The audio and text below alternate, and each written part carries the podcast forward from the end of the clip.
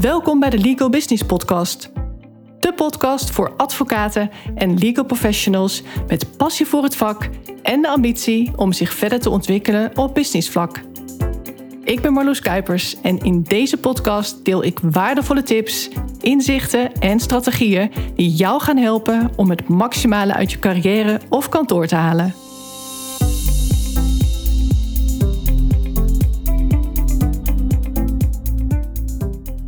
Als ik deze aflevering opneem, zitten we nog in het WK voetbaltoernooi. En wel in de laatste week richting de grote finale. Als je deze aflevering beluistert, dan is het dus alweer gedaan. Maar dat neemt niet weg dat de lessen uit de sport altijd relevant blijven, ook buiten de sportwereld. De kans bestaat wel dat je misschien niet meer exact voor de geest kunt halen waar ik het over ga hebben zometeen. Zeker als je deze aflevering pas veel later beluistert. En dat geldt natuurlijk al helemaal voor diegenen die helemaal niets met voetbal hebben. En dat zijn toch best heel veel mensen, weet ik inmiddels, ook in mijn directe omgeving. En daar kom ik later nog op terug, want dat leidt soms tot interessante discussies, kan ik je vertellen. Als je wilt kun je echt heel veel uit voetbalwedstrijden halen. Hoe er binnen het elftal gecommuniceerd wordt en in hoeverre de aanvoerder zich ook als een echte leider gedraagt. Of de scheidsrechter wel een echte leider is. Of hij op een natuurlijke manier respect afdwingt. Dat zie je bijvoorbeeld ook bij advocaat-partners. Hoe vaak ik wel niet hoor dat bepaalde personen nooit partner hadden mogen worden, volgens anderen, omdat zij niet de benodigde skills hebben. En waar heb ik het dan over? Over people skills, communicatieskills, leiderschapskills en ook commerciële skills. Je ziet op het veld ook wie er een teamplayer is en wie er voor eigen gewin gaat. En wat daar de consequenties van kunnen zijn. Dat is ook een probleem binnen heel veel advocatenkantoren en zelfs binnen praktijkgroepen. Elkaar niet stimuleren, de ander de spotlight niet gunnen. Niet het belang van kantoor laten prevaleren, maar het eigen ego voorop stellen. Zien dat iemand bepaalde kwaliteiten bezit die degene zelf niet heeft. In plaats van daar juist gebruik van te maken, zeker als je toch al partner bent. Nee, die ander moet je dan zo nodig onder de duim houden. Dat is wat je veel ziet. Zo sprak ik laatst een vrouwelijke advocaat-partner en zij zei dat de partners aan haar hadden gevraagd: Wat vind je eigenlijk van de sfeer hier? Die was niet zo fantastisch, gaf ze eerlijk aan. Waarop ze de reactie kreeg: Als je maar niet denkt dat wij gaan veranderen. De enige reden waarom deze vraag aan haar werd gesteld was waarschijnlijk om te testen of ze last van haar zouden krijgen. Heel bijzonder zoiets. Ze is uiteindelijk van pure ellende vertrokken en werd vervolgens elders partner, want dat was ze bij dat kantoor nog niet. Als je enorm goed bent in wat je doet en in feite de partners voorbijstreeft op bepaalde vlakken, en zij zien dat ook, maar proberen jou vervolgens klein te houden in plaats van dat ze jouw groei in carrière stimuleren, ja, dan ga je vanzelf al weg. In feite had ze met een narcist van doen, want het was met name één partner die haar echt dwars zat.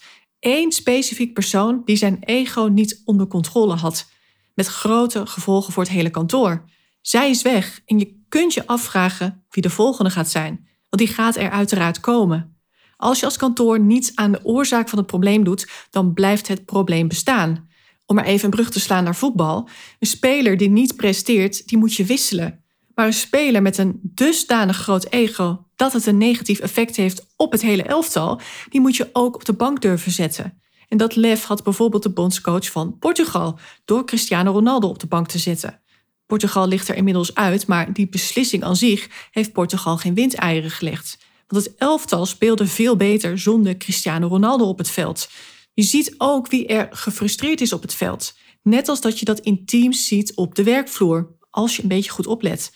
Je ziet ook in de sportwereld wie er van fair play houdt en wie dat niets kan schelen. Ik heb net al een voorbeeld genoemd van een fair play door iemands kwaliteiten de kop in te drukken. Je ziet wie er vooral bang is om niet te verliezen, in plaats van gefocust te zijn op de winst. Denk aan de landen die na één keer scoren voor de goal gaan liggen. De buit is binnen, we gaan het de ander vooral heel erg moeilijk maken. Het spel wordt gesaboteerd door alleen nog maar te verdedigen. Terwijl het echte spel natuurlijk is voetballen om te scoren en niet met als hoofdtaak voorkomen dat een ander scoort. Want dan zou de stand 0-0 al genoeg zijn voor winst. Ik kan er persoonlijk ook maar weinig respect voor opbrengen, als ik heel eerlijk ben. En het is ook niet om aan te zien, dat soort geboycott. Dat is geen voetbal. Op de werkvloer zie je de als we maar niet verliezen mentaliteit, doordat bepaalde mensen altijd op safe spelen. Ze durven hun mond niet open te doen. Ze waaien met alle winden mee. Ze zijn een grijze muis in plaats van een persoonlijkheid. Ze nemen genoegen met een zes. En ze worden daarmee die medewerkers die wel mogen blijven, maar niemand zou ze ook echt missen. Niemand heeft het over hen in positieve zin. Ze vallen niet op. Ze horen bij het meubilair. En zo iemand moet je toch niet willen zijn. Ik heb nu al behoorlijk wat dingen benoemd die je zouden kunnen opvallen als je naar een voetbalwedstrijd kijkt en hoe je ook de link kunt leggen naar de werkvloer. Als er één wedstrijd is waar veel over te vertellen valt, dan is het wel de wedstrijd Nederland-Argentinië. En helaas, we hebben natuurlijk verloren. Heel jammer, maar het was wel echt een hele boeiende wedstrijd om naar te kijken, op alle fronten. Die scheidsrechter was niet bepaald een goede leider. Daar kunnen we het met z'n allen wel over eens zijn, denk ik. Het gaat om de Spaanse scheidsrechter Mateu Loas. Ik weet niet of ik zijn naam goed uitspreek, maar hij is na deze wedstrijd ook naar huis gestuurd. Hij liet Nederland-Argentinië namelijk compleet ontsporen en hij deelde maar liefst 19 gele kaarten uit. Ik viel echt van de ene verbazing in de andere soms.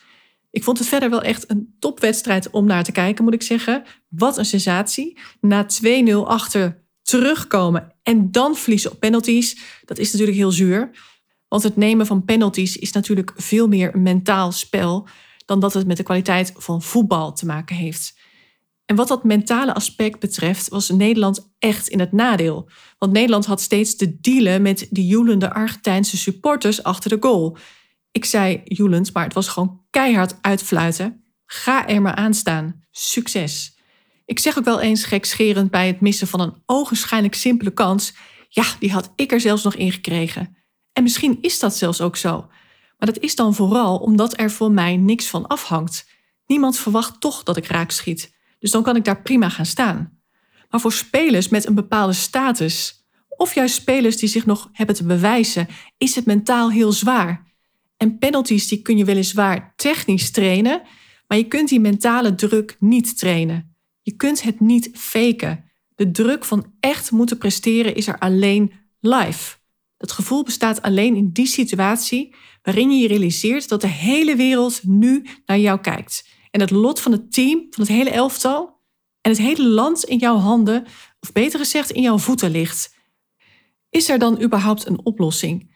Ik denk dat de oplossing hem zit in spelers mentaal zo goed trainen dat ze in staat zijn om in een soort van meditatieve staat te raken op zulke momenten. Dat ze in een soort veilige bubbel raken, zodat ze zich compleet kunnen afzonderen van de wereld om hen heen. Bijna een soort zelfhypnose, zodat je niet eens doorhebt dat je tegenover een joelend vak tegenstander staat. Je volgt dan als een soort geprogrammeerde robot enkele vaste stappen. Je pakt de bal, je legt hem op de stip. De keeper die kijkt je vol zelfvertrouwen aan. En dan zonder met je lichaamstaal te verraden wat je precies gaat doen, trap je die bal in de goal. Of je wacht tot de keeper een hoek kiest, wat je Messi natuurlijk ook ziet doen. De keeper valt en dan tik je die bal er relaxed in. En dan oogt een strafschop nemen zelfs super easy. En dan kan een leek zoals ik zeggen: Oh, maar zo krijg ik hem er ook wel in, als dat een penalty is. Maar simpel is natuurlijk niet hetzelfde als makkelijk. Voetbal is in principe ook een simpel spel als je puur kijkt naar de opzet. Maar het is weer niet zo makkelijk om het heel goed te doen en om je aan bepaalde regels te houden. Er zit zoveel meer in dat spelletje. En dat zeg ik ook tegen de voetbalhaters die zeggen: het is zo'n simpel spelletje, daar kijk ik echt niet naar hoor. Maar je kunt alleen al zoveel leren als het gaat om leiderschap in de sport. Iets wat zo belangrijk is.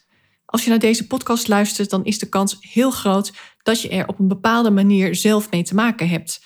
Doordat je met leiders te maken hebt of omdat je er zelf één bent. En ook dan heb je vaak zelf ook weer te maken met andere leiders.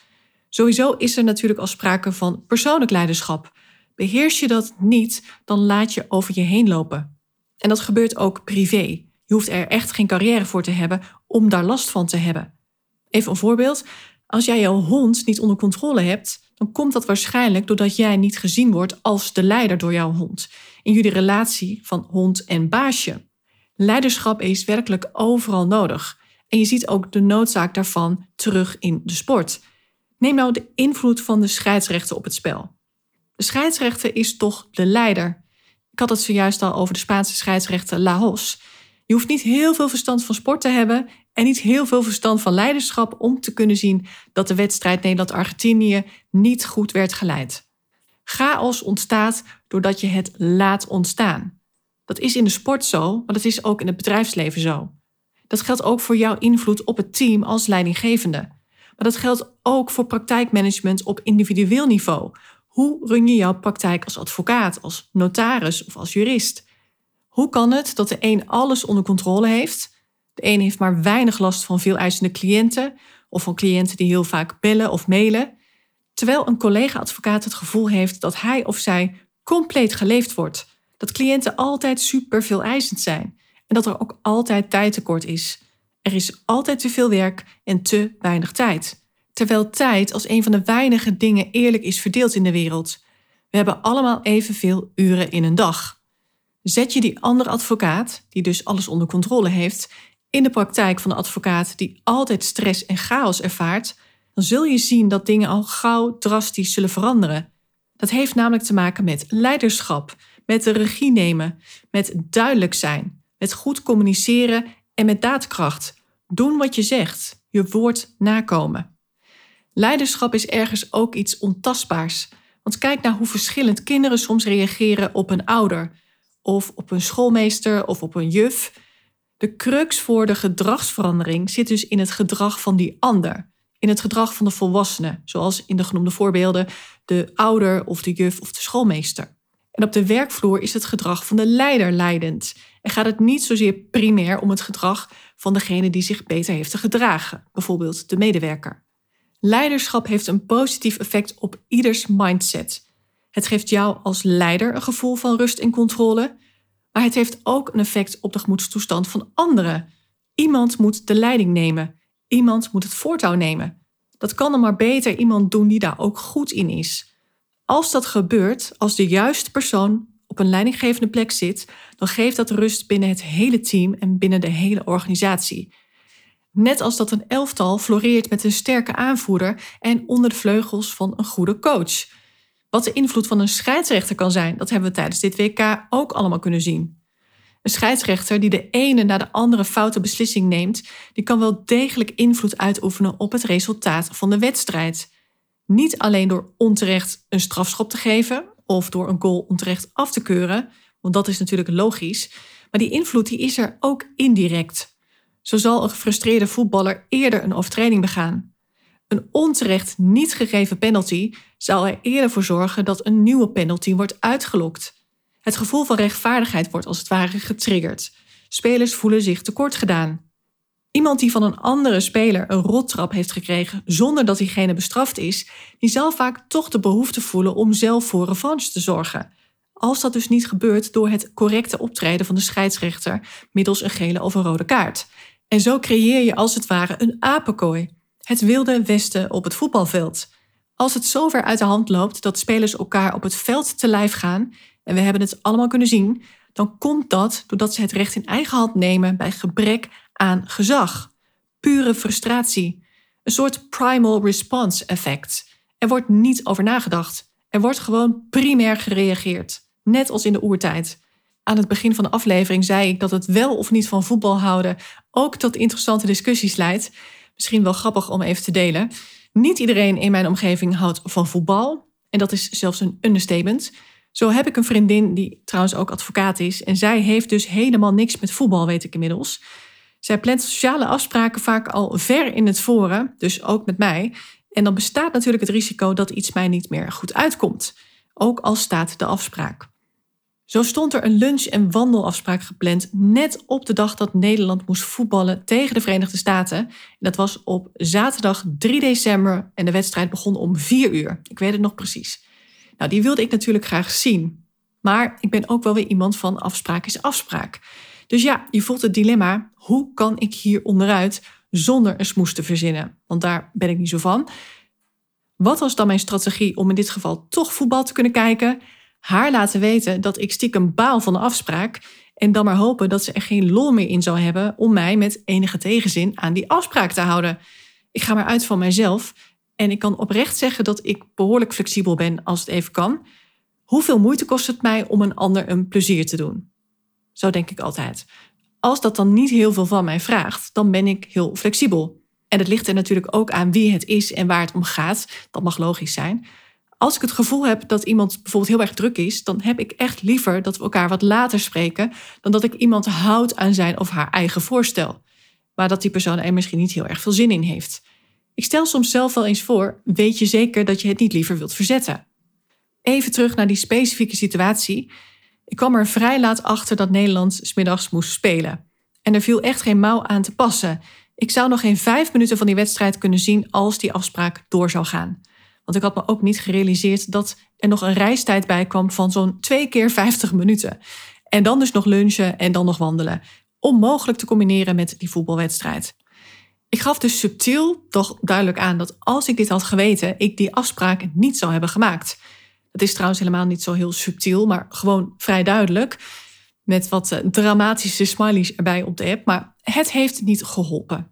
Haar eerste reactie was namelijk: Marloes, ze staan nog niet eens in de kwartfinales. Met andere woorden, lekker boeien dat Nederland moet voetballen. Laat ze eerst maar eens wat serieus presteren.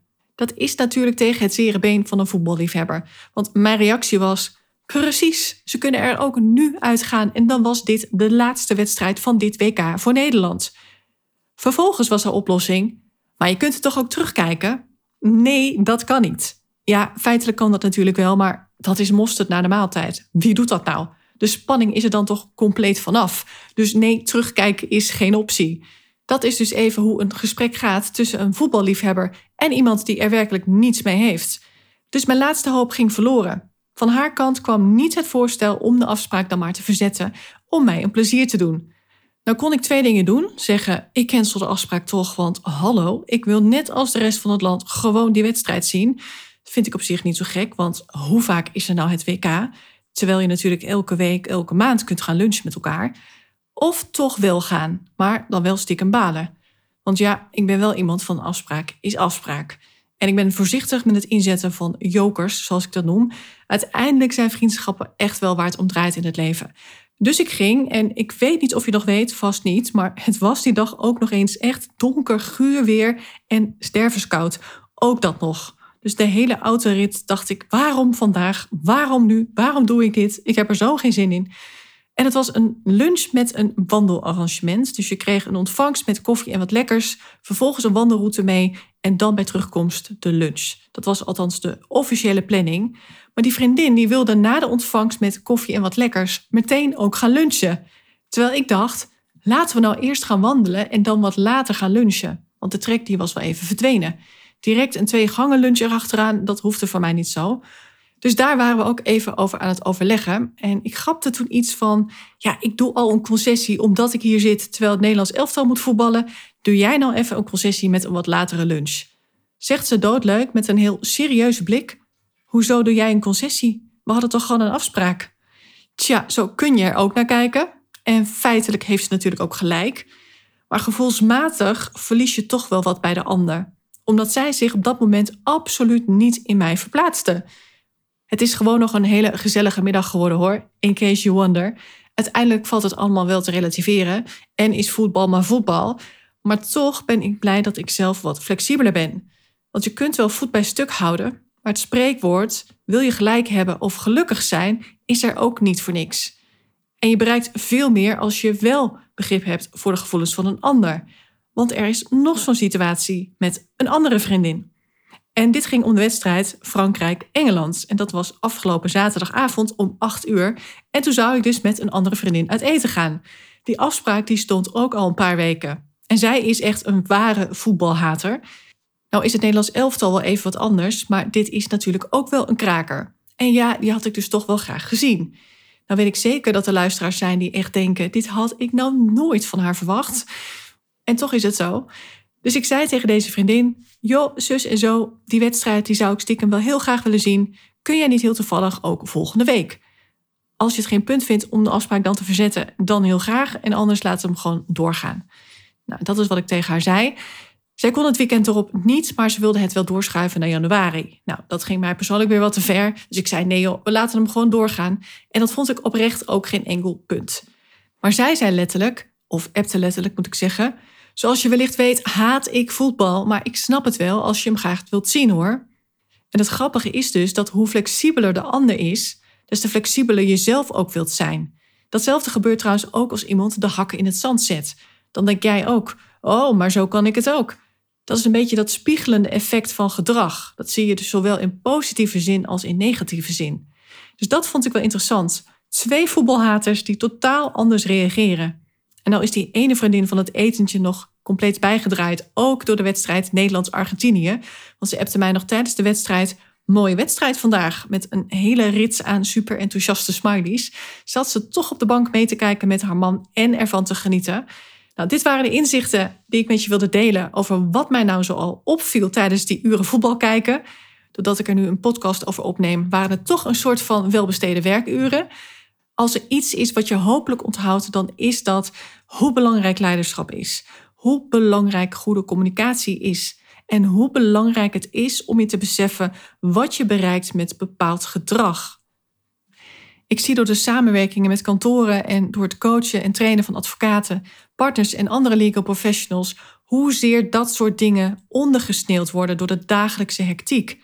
Zolang er genoeg werk is, wordt er vaak te weinig aandacht besteed aan dit soort dingen. Wat gebeurt er nou echt op de werkvloer? Wat leeft er onder de medewerkers? Wat speelt er in de vakgroep? Wat speelt er binnen de partnergroep? Waardoor worden problemen nou echt veroorzaakt? Als je daar geen aandacht aan besteedt, dan wordt een onschuldige schaafwond een open wond, die ook nog gaat infecteren. En met heel veel pech leidt dat dus tot amputatie, oftewel het vertrek van bepaalde mensen. En vaak zijn dat de verkeerde.